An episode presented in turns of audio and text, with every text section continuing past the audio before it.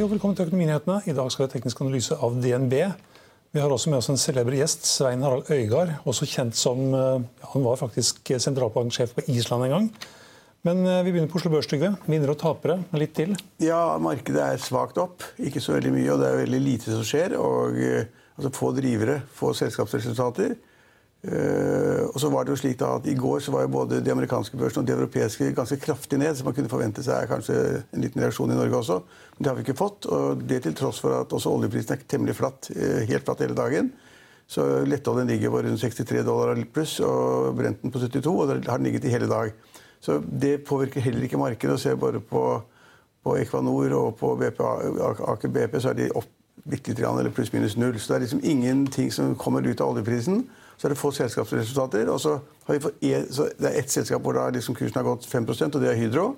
Og Da har det kommet en melding i markedet om at alle de problemene de har med produksjonskapasiteten i Brasil, de er hevet, så de kan produsere så mye de vil. Og de har sendt aksjene opp 5 uten at jeg kan mer enn det. Men jeg kan jo tenke meg det at, uh, de kan jo tenke seg at det er, ikke, det er ikke så enkelt som at hvis de ikke har produsert så mye de vil, så går prisene opp. Det kan jo tenke seg at aluminium, det blir for mye aluminium, for mye aluminium i markedet, slik at prisen faktisk går litt ned. Det vet man jo ikke. Uh, men markedet har reagert veldig positivt på at man, at man liksom har kommet forbi de problemene med å kunne produsere det man vil. Og det er selvfølgelig et veldig viktig poeng. Mm. JP Morgan de tar aksjene opp til overvekt. Kursmål til 45 kroner. Ja, og Nå ligger den på rundt 35 kroner, eller sånt nå, men det har ligget lenge. og det, Veldig mange analytikere og forvaltere har tatt Hydro inn i porteføljen. skal liksom være der. Og så har det gått nedover og nedover hele tiden. Jeg vet ikke hvor mye de har falt det siste året, men det er 30% eller noe sånt nå. Ja, i hvert fall ikke så langt unna. Nei, så, så, Men det er liksom dagens lyspunkt. Et, en aksje som går ganske kraftig opp. da. Og så ser vi også det at det kommer enda flere resultater fra oppdrettsnæringen, hvor da tallene er mye dårligere enn i fjor. Merkelig nok. Eh, prisen har holdt seg oppe. Det er mye dårligere enn da estimatene og guidingen fra meglere analytikere. Og kursene slår da negativt ut. altså eh, når Royal Salmon er ned 2-3 eller 3-4 og Det er akkurat det samme bildet som de andre, som jeg syns er litt snålt. Jeg kan ikke nok om det, egentlig, men eh, bildet er da at de alle er nå så opptatt på at de tjener masse penger, uhorvelig mye penger. Eh, og så gjør de ikke det, og så blir markedet litt skuffet, og så tar det et par dager, og så er de på vei opp igjen. Sånn som vi har sett på Movi. Så man også var litt fornøyd med at de kanskje kunne klare å få kostnadene sine ned til 40 ja. Nei, 40 kroner, mener jeg. 40 kroner kiloen. Ja. 40, 40 kroner kiloen? Ja, ja, men, kostnad på 40. Ja. Men de selger den jo ikke for mer enn 40 omtrent. 50 kanskje. Ja, det, har vel ligget eh, sånn i hvert fall 50-60. Ja, ja. Ja da, ja, ja da. Men det var bedre da kostnadene lå på 25-35 kroner per kilo. Det er en liten stund siden. Ja, det, ja, det er det. Men, men iallfall så ser man at det er samme mønsteret. At de på en måte innfrir ikke markedet. Vi har forventa oss til så store gevinster. altså De tjener så mye penger per kilo eller totalt. Eh, at markedet blir skuffet hver gang. Så det synes jeg var litt morsomt at det kom i dag. Og så har vi hatt noen andre selskaper. sånn som... Ja. Ja, ja, har, har, du fått med at vi har hatt en konkurs på Oslo Børs i dag? En konkurs? Ja, i hvert fall en, Det ser ut som at det blir en konkurs. Datterselskapet til Hidden Solutions. Oh, ja. det, er, det, det, er utenfor mitt område. Det er et sånt tech-område og småselskaper. Det er ikke jeg kunnskap for noe. Ja. Men alt, alt, sammen går videre, da, men aksjene er kraftig ned. Det er vel uh, i hvert fall en av taperne. Siste så på den, som var ned uh, 17-18 det eneste konkursselskapet jeg har fått med meg i nyhetsbildet i dag, det er da British Steel, som har snakket, uh, snakket om en konkurs hvor 20 000 ansatte vil bli berørt. Det var ganske heftig.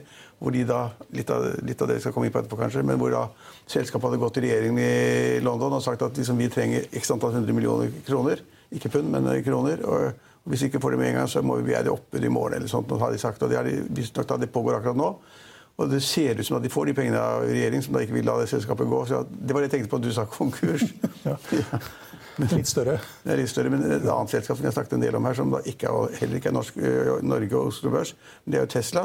Altså, Vi er jo det største Tesla-landet i verden, og der har Morgan Stanley og kursen har ligget rundt 300 dollar per aksje. Og hvis de, husker, hvis de husker godt, så husker de at det var jo da snakk om at uh, Musk skulle da på en måte selge aksjer i, til noen som var villig til å betale 420 dollar per aksje. Og så ble han tatt av SSC i Amerika på det. Han hadde, på en måte hadde ikke finansieringen klar. Og de gitt gale informasjoner i markedet og fikk en ganske sånn streng straff. Han måtte tre ut som styreleder og ja, masse tull i forbindelse med at han da lovet for mye. Det skal man ikke gjøre i finansmarkedet. Uh, og så har det gått litt nedover. og nå, I de siste så har kursen ligget rundt 200 dollar for aksjen. Og så kom Morgan Stanley i dag med en analyse som sa at de regnet med at aksjen ville falle i 10 dollar. Det er ikke høydepunktet hvis du driver et stort selskap og er litt dynamisk og skal selge i masse markeder.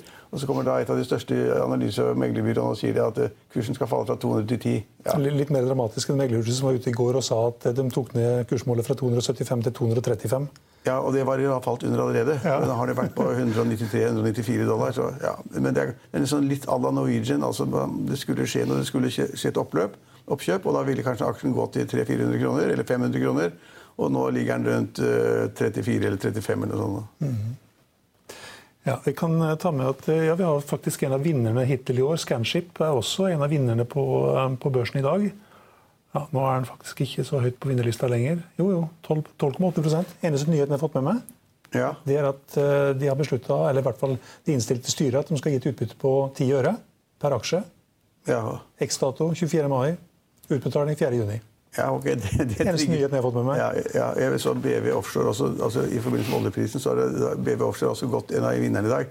Ganske stort volum også. Det jeg vet jeg heller ikke forklaring på, men de driver jo da med sånn flytende, altså flytende storage og det flytende produksjon. Store skip. Sikkert fått en ordre eller noe sånt, eller en kontrakt som jeg ikke vet om, men i alle fall markedet har gått en del på det. All time high, to aksjer. Tomra er en av dem. Ja, den er opp 4 ja. Det er et godt selskap. De gjør gode ting, men så er den også høyt priset veldig høye priser hvis folk er litt usikre. Altså det som skjer i markedet nå, synes jeg er kjempeinteressant. Det er at det er så stor usikkerhet som da på en måte rammer børsene i Europa og USA. Og usikkerheten går på Iran. Altså det er veldig vanskelig å finne andre faktorer enn Iran som kan på en måte holde markedet igjen så kraftig som det gjør nå. Fordi det er kjempeusikkerhet. altså det, det, som økonomer og analytikere snakker om, det er usikkerhet. Og usikkerhet er når man faktisk diskuterer om det blir krig med Iran. Og Hvis det blir krig med Iran, så har da Trump sagt at da skal vi bare utslette dem. Da blir det ikke noe igjen. Så Hvis de ønsker krig, skal de få krig, og det blir ikke noe særlig igjen. Det er klart at Den type uttalelser fra, fra, politikere kan man ikke ha. Når det kommer fra USA, som da ligger i en sånn konflikt hvor de har sagt at Iran skal ikke få lov til å eksportere én liter olje. Altså Vi skal stoppe enhver eksport fra Iran. Det vil si at økonomien til Iran vil bli helt ødelagt. Altså Det må ikke være økonom for å forstå det. Hvis de klarer å stoppe det. Og så var det unntak nå frem til for noen uker siden. Eh, men når man sier at et annet land ikke skal få eksportere en krone av det de driver med, så kan man jo tvinge Iran til å gjøre mye rart. Stenge Hormuzstredet eller finne på masse rare ting. Og det kan bli krig. Og I den situasjonen så sier verden da at dette er så usikkert at det går ikke inn i aksjemarkedene akkurat nå. så Derfor er markedene ganske usikre og flate. Veldig klassisk og godt eksempel på. Stor usikkerhet. Ingen vet utfallet. Overskygger til og med handelskrigen? Ja, jeg syns det. Jeg synes at Handelskrigen kan jo pågå i tre måneder eller seks måneder til. Det, kan, det vet man ikke hvordan det ender. Uh, Noen sier fem til ti år. ja, det tror jeg ikke. Det tror jeg overdriver. De må finne på noe før det. Men, men, men, det kan ta uker, det kan ta måneder de, før de finner frem et sånt nivå hvor da USA pålagt toll fra Kina, Kina på USA-varer. Og de på en måte tenker at ok, dette spillet er over, nå må vi bli enige om et eller annet. Men, altså, mange år tar det ikke, men det kan ta lang tid. Så jeg, jeg mener at den Irak-konflikten er mye mer alvorlig enn det man altså, Alle skriver om det, men den er kjempealvorlig. Og vi kan våkne opp i morgen, og så er det krig i, i Gulfen. Da faller aksjemarkedene. Da faller, da faller frontline-kursen. Tankskip. Ingen har bruk for tankskip lenger. Vi kommer ikke ut av Hormuzredet. Det, er masse, altså, masse henger på det. Men Oslo Børs, i den situasjonen i all usikkerheten, så er Oslo Børs opp 0,6 mm. Skal vi si et par ord om at valgkampen i Oslo er i gang? Ja. MDG mener at nå skal vi ha 30 km fartsgrense i hele Oslo? Ja, altså Det er jo Miljøpartiet De Grønne som da har sagt det at de nå kommer ut med et helt konkret, konkret ønske man skal ha 30 km maksgrense i hele Oslo, inkludert da E6, Ring i 3 eller hva det måtte være. Og det kan man ikke leve med. for det, det, kan man faktisk ikke leve med. Jeg synes det er ganske modig at de går ut med det i valgkampen. Men de sier at begrunnelsen er at man skal verne syklistene. Altså barn, barn som sykler. Nå er det slik i Norge at vi faktisk har vinter et halvt år, eh, halve året. Så barn burde ikke sykle halve året når det er sne. i hvert fall. Eh, så man kan liksom ikke legge opp hele politikken på det at man skal på en måte verne de svake gruppene eller da fremme sykling. Så jeg, jeg, er ganske modig gjort, altså, men jeg tror de kommer til å få en smell på det. Og I tillegg så kommer det, der bare noen dager da, før vi får da 51 nye bomstasjoner i Oslo, som også Miljøpartiet De Grønne syns er kjempebra. Så de har kjørt seg inn på et spor som er ganske tøft. Er bra vi får det nå, så lenge før valget. Ja, det er ikke så lenge til valget. Jeg tror folk husker det. Altså, hvis de begynner å sette opp sånne 30, 30 km-grenser, så tror jeg det blir ganske dramatisk i Oslo by. Har du, vært, har du, kjørt i byen i det siste? Nei. Det er nesten umulig å komme frem. Ja. Ja, men altså, det er enveiskjøring. Og hvis du skal parkere, så er det helt umulig? Parkering er også helt umulig. Ja, så nei, det går ikke. Det er en som heter Løkkeveien nede i Rusløkka i Oslo, hvor man da på en måte har en sånn øst-vest-transport, hvor man kommer da fra Drammensveien, gamle Drammensveien, ned ved amerikanske ambassaden og så ut, og ut, i, ut i tunnelsystemet. Dit kommer man ikke gjennom lenger.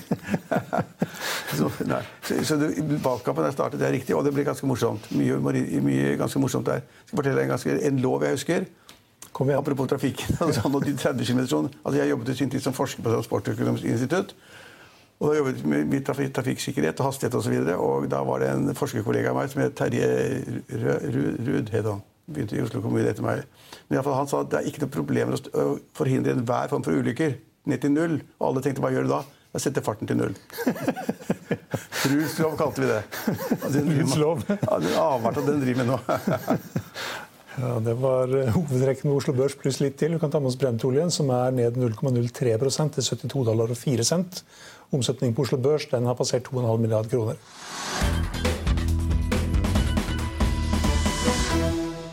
Ja, da er vi tilbake og fått med oss eh, Svein Harald Øygard, tidligere sentralbanksjef på Island. Du er kanskje velkommen, forresten.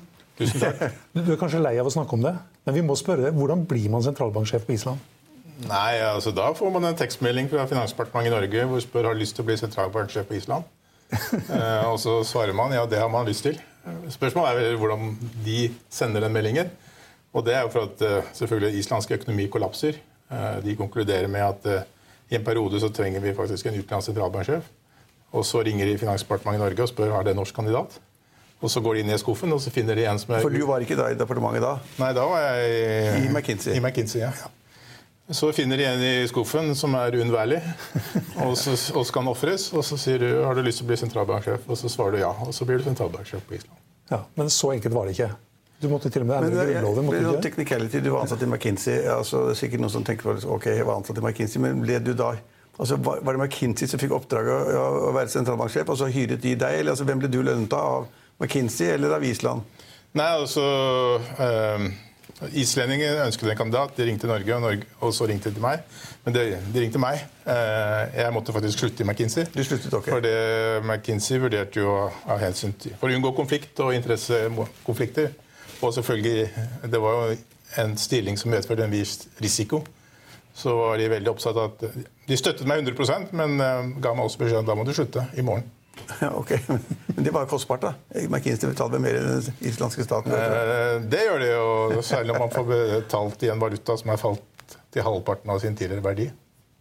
Men eh, når du får et, en slik telefon, så svarer du ja. Så, ja, klart, og, og Hvor lang tid tok det fra du da fikk den telefonen til du da var på plass bak det store skrivebordet på Island? Nei, det tok, det tok faktisk noen uker, for de, de måtte faktisk endre loven. Fordi en bestemmelse i avtalen mellom Norge og Island fra 1262 sa at på Island kunne ingen embetsmennsstilling fylles av utlendinger.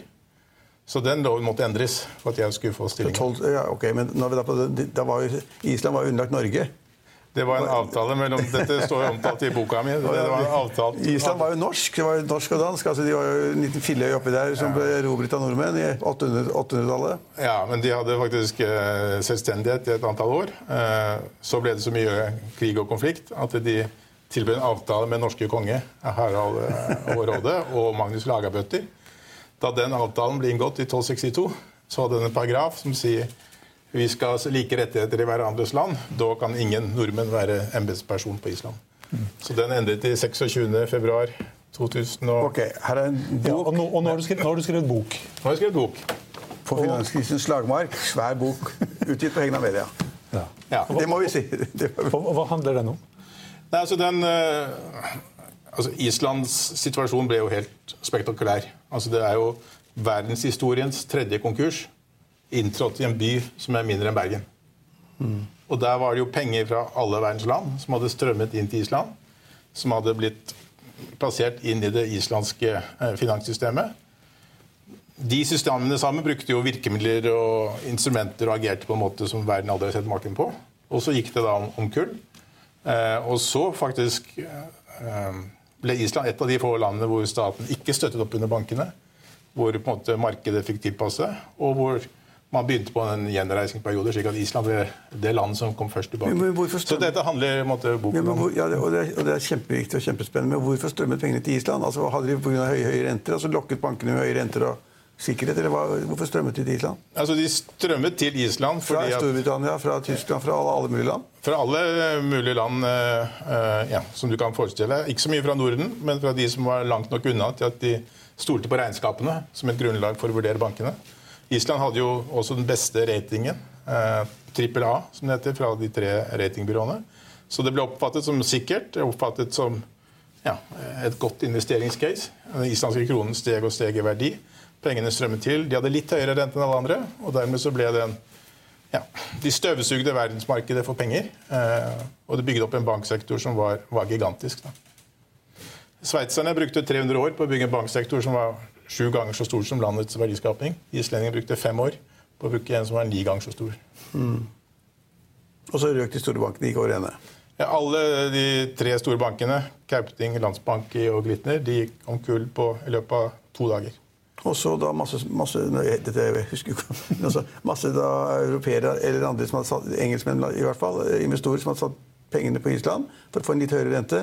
Så gikk de til søksmål mot banken eller Island etterpå, da de skjønte de hadde tapt alt. Nei, det som skjedde var at Dette var jo midt i finanskrisen, så alle hadde jo panikk. 2008. Ja, Alle hadde jo panikk, og alle var, uh, ville ikke spre et bilde av mer usikkerhet. Så når disse tre bankene falt, så gikk britiske og nederlandske myndigheter da garanterer vi for våre innskyttere. Så betalte de til sine innskyttere. Og så gikk britene og nederlenderne til søksmål mot den islandske stat og sa nå skal dere betale. Eh, kjære islandske stat. Og så sa islandske stat nei, det gjør vi ikke. Dette er ikke vårt ansvar. Eh, og så ble det jo en seks år med rettssak og konflikt. Før det faktisk viste seg at eh, alle innskytterne fikk pengene tilbake fra konkursbogene til de tre bankene. Hvordan klarte de det? Det gjorde vi at Da krisen inntrådte, så innførte man en unntakslov som sa at alle innskyttere skulle ha prioritet. Så når boet ble gjort opp, så ble det først gitt penger til innskytere. Og det som var til overs, det gikk til andre kreditorer. Da. Uh, disse bankene var jo helt spesielle. for det, Alle ser jo på banker som Du tar innskudd, og så gir du utlån. Eh, her hadde du noe innskudd, men så hadde jo mesteparten av pengene kom jo fra de internasjonale kapitalmarkedene. Da, altså fra obligasjonsinvestorer, fra tyske banker, fra amerikanske banker, som da hadde tatt pengene. Så innskytterne fikk prioritet, disse andre fikk ikke prioritet. Hvor lenge var du da sentralbanksjef? Jeg var, eh, nei, jeg var det var ikke... kjempegøy å sitte der med et svært skrivebord og være sentralbanksjef. Du var konsulent for andre bedrifter før det. Og plutselig fikk du, og du hadde sittet og jobbet i departementet i Norge. Ja, jeg var jo statssekretær i Norge da vi hadde vår norske Det er derfor lå i skuffen. Det var egentlig derfor navnet mitt lå i skuffen. ja, men Hvor lenge satt du da som sentralbanksjef? Nei, Det var mindre enn et halvt år. Halvt år, ja. ja. Du, du har på en måte blitt presentert som at den som redda Island. Men du skriver i boka di at din innsats var minimal. Er det altså, beskjedent sagt, eller? Altså det, jeg, jeg, var jo sentralbanksjef i en kritisk periode. Jeg, jeg håper jo å bidra med å få plan og en struktur og få en del viktige ting gjort. Men klart at for å, for å snu et land, så ja, Det var gode kollegaer i banken, det var gode kollegaer i Finansdepartementet i Island. Uh, vi fikk bistand fra andre land, så det var mange som dro det sammen. Og selvfølgelig Island er jo spesielt. altså Det er det landet i verden med høyest yrkesaktivitet. Altså Islendingene jobber. Og, og, og, kommer det en krise, så snur de seg rundt. det er nesten ikke folk der. Det er bare 300 000 mennesker der. Nei, nei, men de som er der... Halve Oslo. Ja, det er riktig. Så, ja. men, men, det som er viktig med boken, da, det er jo at uh, dette er jo et av de få stedene i verden hvor etter krisen så ble mm. alt måtte, brakt til syne. Altså Andre land så dekket man over. Ingen visste hva som egentlig hadde skjedd. Her var det en sannhetskommisjon som gikk gjennom alle, alle si, gjørene og laden før krisen. Og alt det ble brettet ut. Ryan Reynolds here from Mint Mobile. With the price of just about everything going up during inflation, we thought we'd bring our prices down. So to help us, we brought in a reverse auctioneer, which is apparently a thing. Mint Mobile unlimited premium wireless. Ready to get 30, 30, bit to get 30, bit to get 20, 20, 20, bit to get 20, 20, bit to get 15, 15, 15, 15 just 15 bucks a month. So, Give it a try at mintmobile.com/switch. slash $45 up front for 3 months plus taxes and fees. Promo rate for new customers for limited time. Unlimited more than 40 gigabytes per month slows. Full terms at mintmobile.com. I'll see you in court. Vi sier det ofte litt på spøk, men for deg som driver business, er det aldri moro å innse at du ikke har laget en 100% gyldig kontrakt. Du bør ikke risikere hele firmaet ditt fordi du synes dette med kontrakter er litt stress. En avtale er ikke en avtale. Du kan miste kunder, miste venner, ja, til og med miste inntekter om du ikke lager en skikkelig kontrakt, på alt mulig, egentlig. Men vi vet det er et styr. Kopimaskiner, tregprinter og haugevis av papir. Dessuten stoler vi jo på folk her i landet.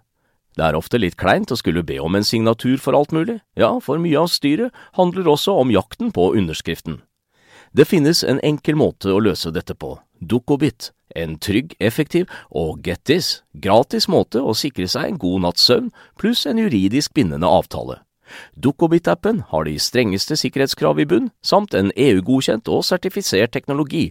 Framover vil det bli behagelig å spørre du, skal vi skrive under på det, eller? Kom i gang på dukkobit.no. Og det beskrives i boken.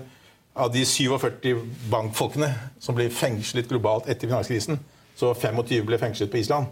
Så, så, det var jo på en måte det eneste 25 fikk fengselsstraff? eller var det fengsel? Ja, 25 fikk fengselsstraff. Så i hele verden 47 eh, ble fengslet, og 25 av disse på Island.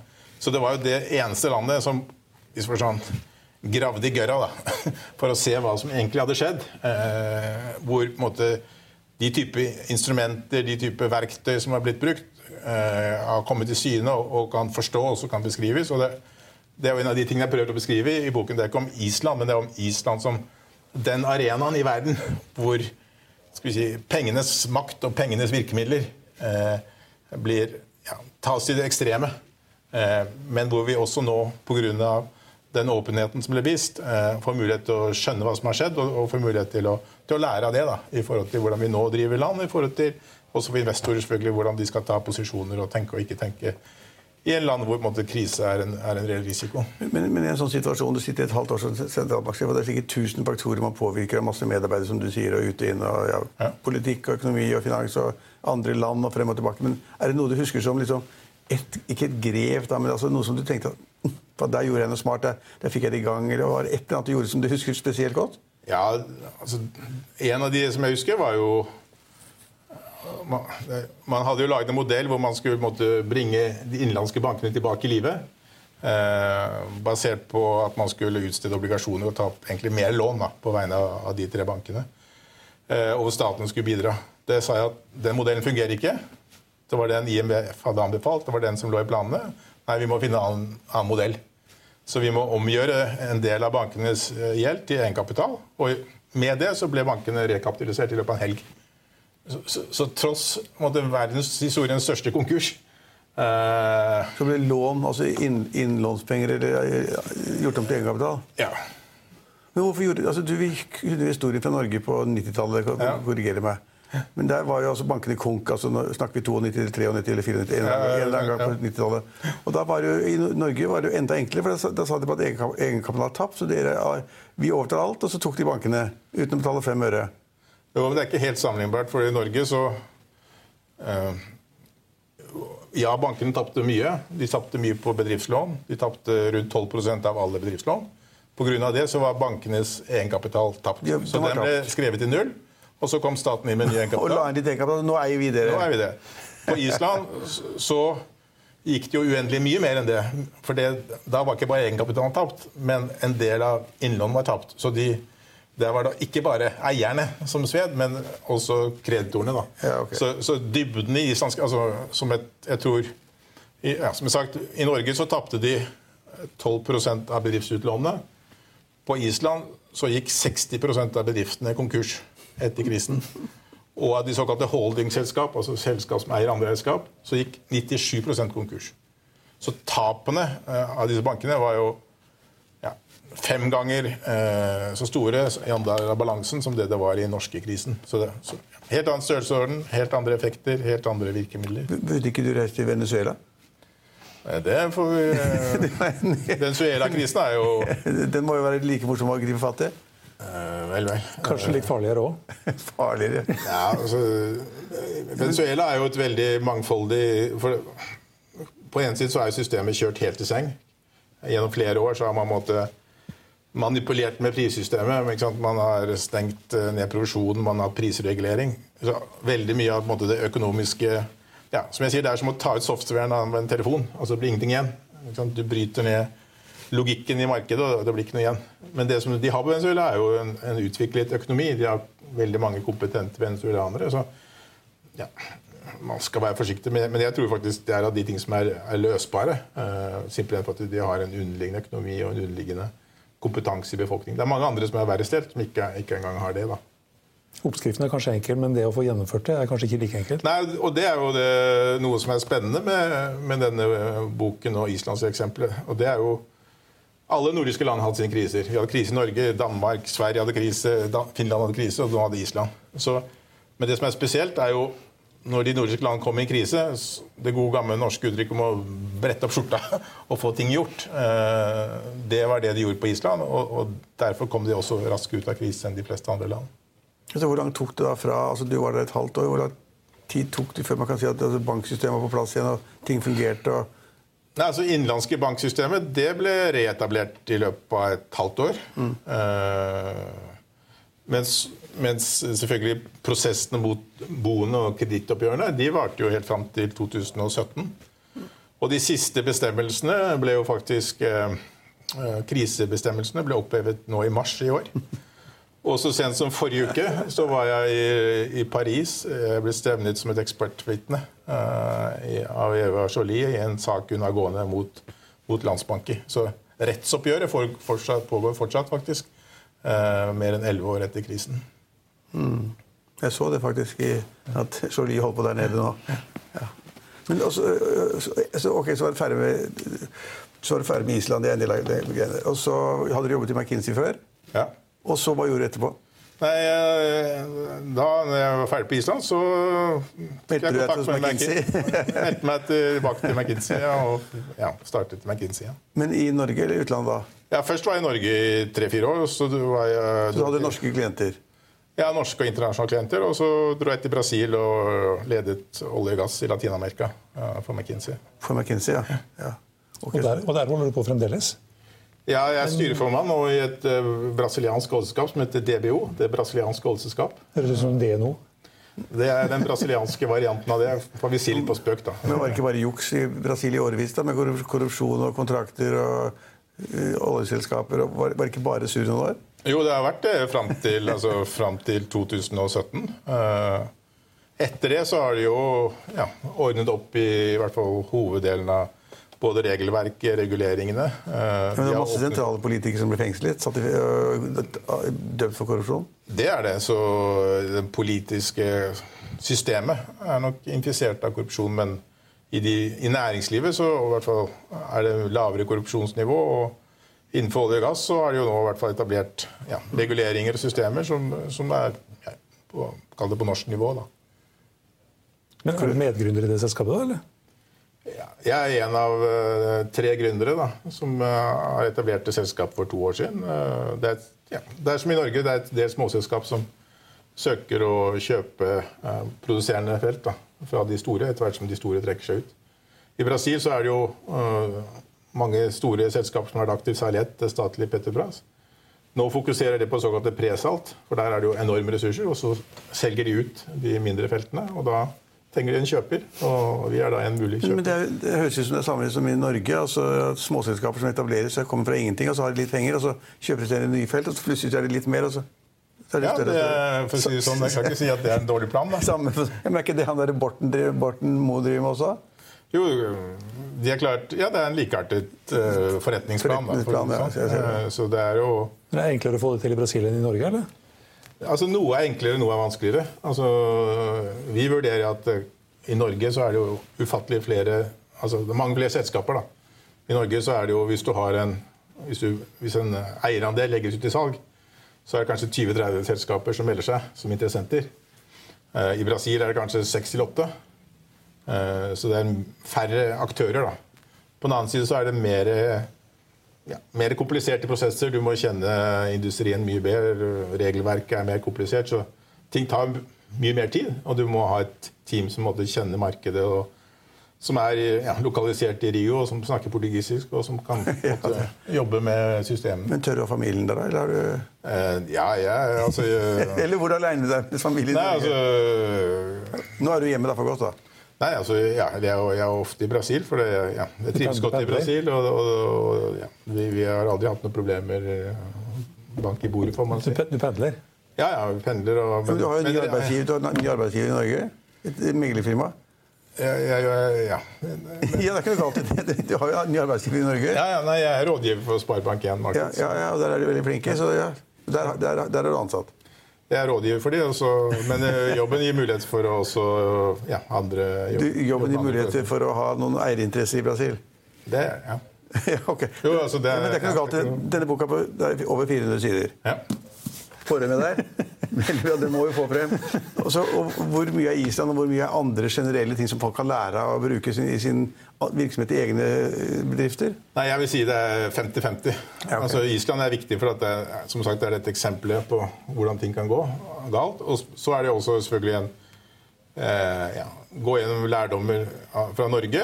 Og så er det en seksjon på slutten hvor vi går gjennom situasjonen nå i 2019. Det er skrevet sammen med to, to kollegaer. Eh, Peter Hermanrud og Pål Ringholm og Haug Magnus. Tre kollegaer. Det blir bli tre, da. Ja, som da måtte summere opp alle krisetegn vi ser i Norge, og, og generelt som en investor. Eh, hvis man ja, ser en krise, hva må man gjøre? Eh, ja, bør man selge? Når bør man selge? Bør man kjøpe? Eh, og, og hvordan kan man tenke som investor da, rundt uh, makromulighetene? Jeg har lest de sidene i, i boken, de siste, og det gir et godt inntrykk av hva man bør tenke på. Det er jeg helt enig i. Et sted i boka di så plasserer du Norge på samme plass som Island i 2007. Hva mener du med det?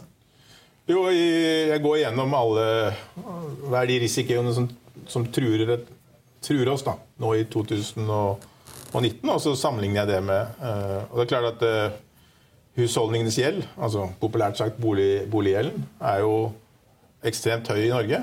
eh, og den har økt veldig sterkt. Og den har økt til, til et nivå som har ført oss inn i en faresone. da. Og historisk så er halvparten av de landene som har vært i tilsvarende faresone, de har endt opp i økonomiske problemer. Men- så er det ting som er likt og ulikt. Jeg vet at eh, du kanskje har et ulikt syn på dette. Men det er klart at jeg tror ikke altså eksempel Hvis det skulle komme en renteøkning eh, drevet av forhold vi ikke har kontroll på, så tror jeg nok eh, mange vil kunne slite, og at vi kan få et reelt problem i boligsektoren, og, og da også i deler av finanssektoren. Harald Magnus Andreassen, nummer to. ja, alle sier det, men, men, men det skal veldig mye til. For det første så blir det ikke noe særlig renteøkning hvis det ikke er faktorer som man ikke er over i Norge. Og for det andre så er det vel slik at bankene i Norge taper ikke fem øre på boliglån. Altså, alt, de, de taper jo ikke penger. Det finnes ikke en bank som taper noe som helst på en, på en bolig. Nei, og Grunnen til at de ikke gjør det, til forskjell fra USA, det er jo at i Norge så Den kunden som har et boliglån, der følger jo boliglånet kunden og ikke boligen. Ja. Slik at uh, som kunde så blir du å si, aldri kvitt boliglånet, uh, så banken kan jage deg. Det betyr ikke at du som kunde av den grunn uh, vil komme godt ut av det. Så det er det ene. Det andre er jo altså rent, Vi er jo nå på historisk lavt rentenivå. Det skyldes mange forhold. Det skyldes et såkalt spareoverskudd i verden. Det skyldes at Kina har vært der inne og produsert billige varer. Slik at halvparten av alt de kjøper, nemlig den importerte delen, har blitt billigere og billigere. Hvis det stopper opp av en grunn, så klart da kommer det inflasjon. Og så er det jo, i hvert fall i en del land, særlig i USA, eh, som tross alt er de som setter rentene i verden, eh, så ser de jo tegn på en gryende inflasjon. Eh, og hvis den kommer, så kommer renteøkningen. Og da slår den inn i Europa, og den slår inn i Norge. Og da går rentene opp, også boligrettene. De fleste er vel enige om at Oslo Børs er ganske dyr. Vi ser du skriver i boka Det er vel omtrent på de nivåene vi er nå, med en prisbok på 2,1. 2,2 kanskje er det vel nå. Um, er det, Fins det noen billige børser i verden? Jo, det er klart det er jo et antall børser i verden som har en, en kriseprising. da. Uh, ja. Det mest, mest åpenbare eksempelet nå er jo Tyrkia, som på en måte kjørte hodet inn i en ja, klassisk krise med, med stort, uh, stor gjeldsøkning, eh, store ubalanser, eh, og hvor valutaen har kollapset, eh, hvor børsen har kollapset, og hvor det er en kriseprising. Eh, og hvor ja, uten at det, børsen framstår som billig da, i forhold til ja, likeartede børs, børser, men hvor selve krisesentimentet da, slår inn i markedsprisingen. Det er en del andre land som er ja, Russland er vel også i, i den klassen. Så, så ja, det er eksempler på, på land som, som har en kriseprising av sine finansielle markeder. Man kan jo eksponere seg mot sånne markeder via norske fond. Er det noe du kunne tenkt deg å gjøre? Eller anbefale venner og kjente å gjøre? Altså man skal være forsiktig. Jeg gir i hvert fall ikke investeringsråd til venner og kjente. Eh, Men klart at det finnes jo finansielle produkter. altså Du kan handle i landindekser og lignende, som gjør at du kan få eksponering til dem. Jeg har gått gjennom det i boken. altså Hvis du ser historisk eh, fra, fra dagen før krisen til toppen av krisen til gjeninnhenting, så er det gjennomgående sju kvartaler fra førkrisetoppen til du når bunnen eh, i markedsprisingen. Slik at hvis man tror på hva historien har lært, så du følge, kan du følge kriseutviklingen. Kan du telle sju kvartaler, og da er det kjøpstidspunktet. Eh, Ok. Men klart, som gammel sentralbanksjef så har vi jo alltid eh, tro på det å støttekjøpe valuta og støttekjøpe. Eh, men det å ha det som investeringsstrategi er jo litt skummelt. da.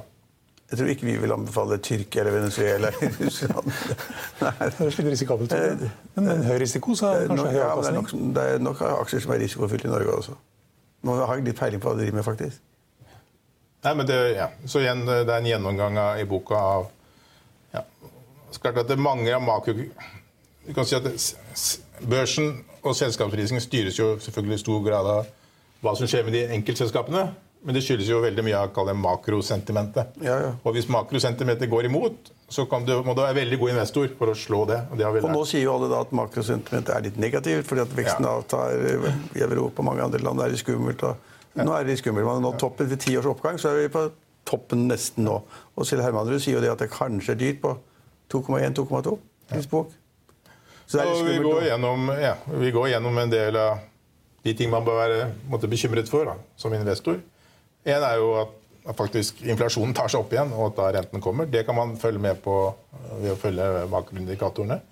Så er det tre store ubalanser i, i verden. Eh, hvis du ser på hva som skaper finanskriser. Altså Det blir ikke finanskrise uten gjeld. Så du kan se hvor er det masse gjeld, og for mye gjeld, og gjeld som det er krevende å betale. Det er tre steder i verden hvor det er store akkumulasjoner av gjeld. Hvis du ser på de 20 største økonomiene og, og nøkkellandene i Europa. Det ene er at USA er på full fart inn i en gjelds, si, gjeldskrise. Eh, De har 6 underskudd nå på statsbudsjettet, selv om arbeidsledigheten er veldig lav. Selv om eh, si, det er fredstid. På alle andre tidligere nivåer, eh, når USA har vært i en tilsvarende situasjon, så har de hatt overskudd på statsbudsjettet. Nå er det underskudd.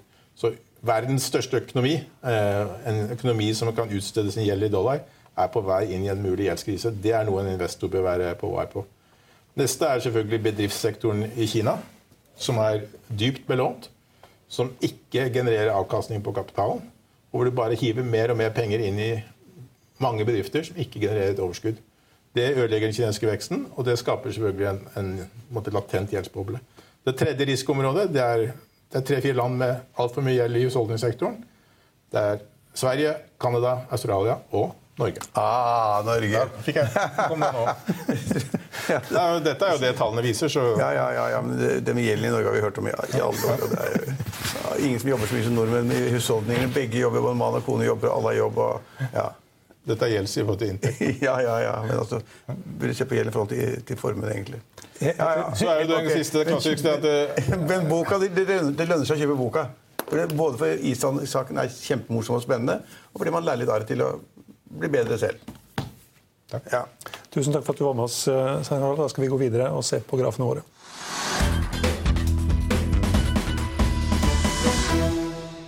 I Finansavisen i morgen så kan du lese Trygdenes leder om skoleelevenes naive klimastreik, at emisjonen i Hunter Group trolig blir større enn ventet, og at utenlandske flyreisende hadde et forbruk på 24 milliarder kroner i Norge i 2017. Husk også at du kan høre våre børskommentarer og børsintervjuer, gjesteintervjuer på Hegnapodden. Den finner du på hegnapodden på egner.no. Du finner også på Soundcloud, iTunes og Spotify. Det var det vi hadde for i dag, men vi er tilbake i morgen klokken 15.30. Da har vi med oss Thomas Nilsen i Førstfondene. Følg med oss igjen da.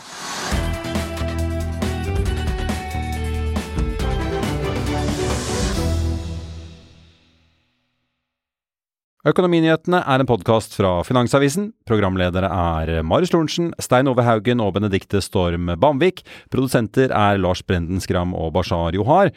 Og ansvarlig redaktør er Trygve Hegnar.